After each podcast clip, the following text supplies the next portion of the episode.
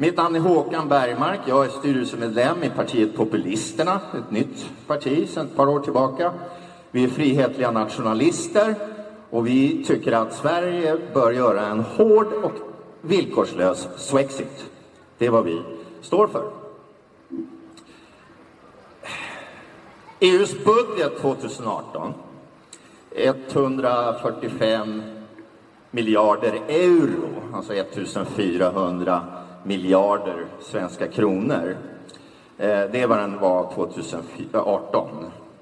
Eh, och enligt den information man får av svenska regeringskansliet så av de pengar som Sverige betalar in i avgift, vilket är 30 till 40 miljarder i grundplåten för närvarande, så säger regeringskansliet att cirka 90 procent av de här pengarna kan man få tillbaka. Men sanningen är en helt annan. Sverige är alltså ett nettobetalarland. För det är nämligen så att länder med på pappret stark ekonomi, ja, vi får inga utjämningspengar tillbaka. Så Sverige är en nettobetalare, medan andra länder är nettobidragstagare, eller vad man ska kalla det för. Så att den faktiska nettoavgiften, medlemsavgiften, minus det mottagna EU-stödet som vi får tillbaka, det motsvarar inte så hemskt mycket pengar om man slår ut det per capita. Det är ungefär 1700 kronor per år i snitt med nuvarande nivåer. Problematiken med att beräkna de här sakerna, det är att man har inte tagit hänsyn till ett eventuellt Brexit. Storbritannien är också en nettobetalare för närvarande. Och ingen har riktigt räknat på vad som händer med EU-avgiften för Sverige, svenskt vidkommande när de träder ur. Och det är ju inte om, utan det är ju just nu när. Va? Nu för närvarande är det ju oktober som gäller för, för Brexit.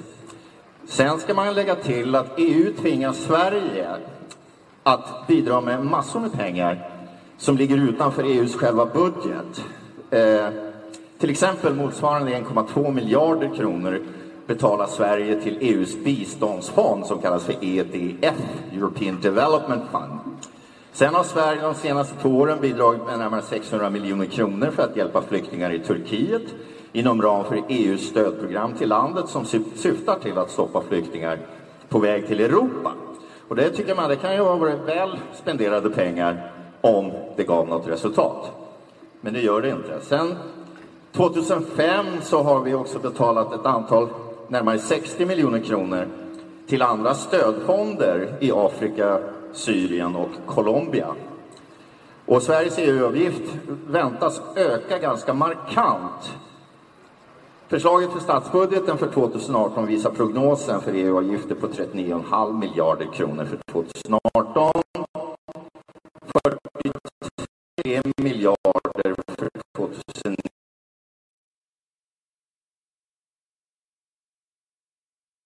Handel och handelsavtal med resten av alla europeiska länder och USA.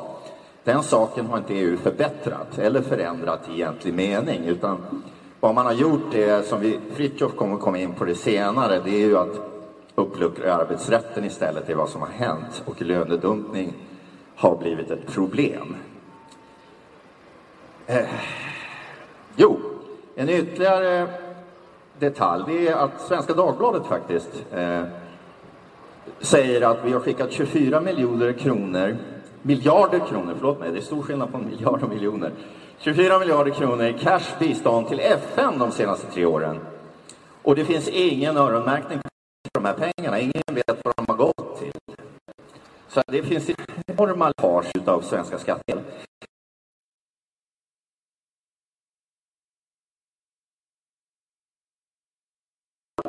Ytterligare för att hantera den globala flyktingsituationen.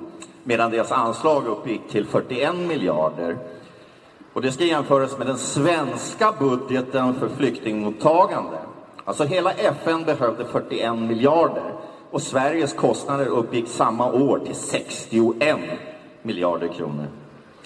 Men det ekonomiska är egentligen i dagens läge inte det mest bekymmersamma med EU, utan det är det politiska.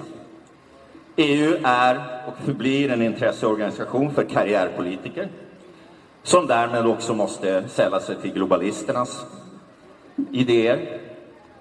När nationalistiska rörelser är kritiska mot EU, som vi är till exempel, så blir man alltid uttänkt och eh, kraftigt kritiserad.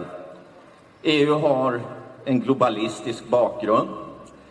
Eh, om man går tillbaka till kol och stålunionen 1968, tror jag det var, så drevs det fram av en jurist, en tysk jurist, som heter Hallstein. Han hade bland annat en karriär som juridisk